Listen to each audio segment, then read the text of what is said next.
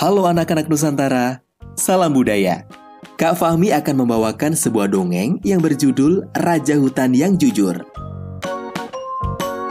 Dongeng ini ditulis oleh Kak Novi Anggraini dan diterbitkan oleh Gema Insani.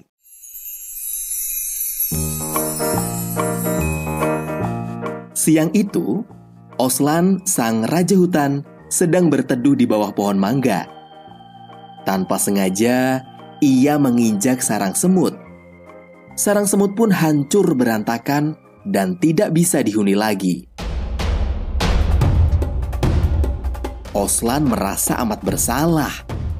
Namun, ia enggan mengakuinya. Ia takut gara-gara kesalahan ini, teman-temannya tidak lagi mengakuinya sebagai raja hutan yang hebat. Oslan memutuskan untuk meninggalkan sarang semut yang telah rusak. Ia memastikan tidak ada satupun hewan yang melihatnya.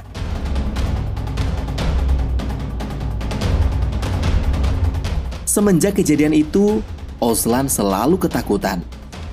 Ia takut kebohongannya akan terbongkar.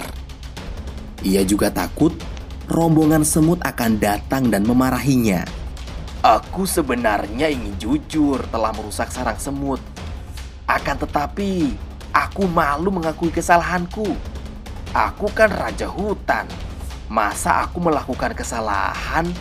Kata Oslan berbicara pada dirinya sendiri. Menjelang sore, Oslan berjalan-jalan di hutan. Tiba-tiba ia melihat rombongan semut.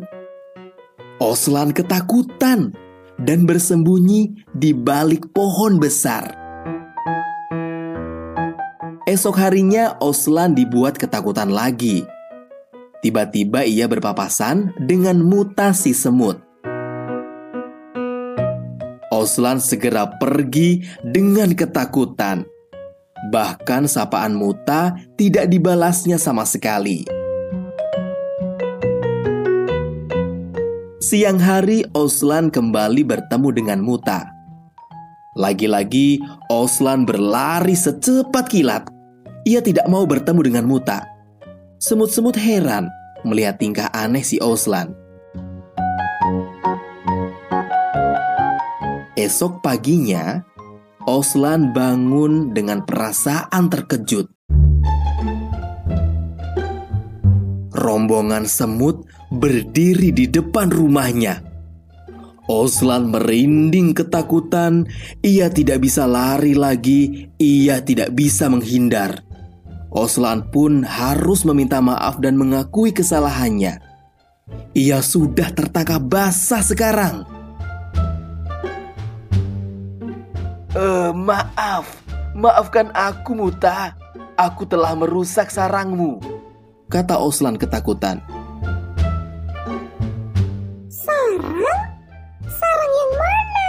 Tanya Muta bingung. Sarang yang ada di dekat pohon mangga. Aku tak sengaja menginjak dan menghancurkannya. Oh, sarang itu sudah lama kami tinggalkan.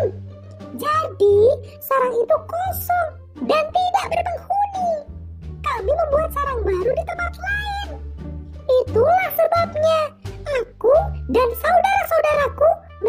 Mencarimu. Kami datang untuk memberitahumu tentang sarang baru kami. Namun, sejak kemarin kamu selalu menghindari kami. Jadi kami datang ke rumahmu pagi-pagi begini. Muta pun menjelaskan. Oslan menghela nafas lega. Ternyata sarang yang dirusaknya itu memang sudah ditinggalkan oleh koloni semut. Namun, Oslan tetap saja merasa malu. Selama ini ia selalu menghindari Muta dan semut-semut lain hanya karena tidak mau mengakui kesalahannya.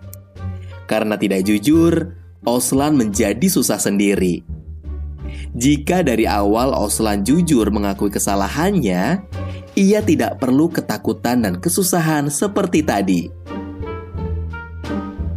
Demikian dongeng dari Kak Fahmi. Sampai ketemu lagi.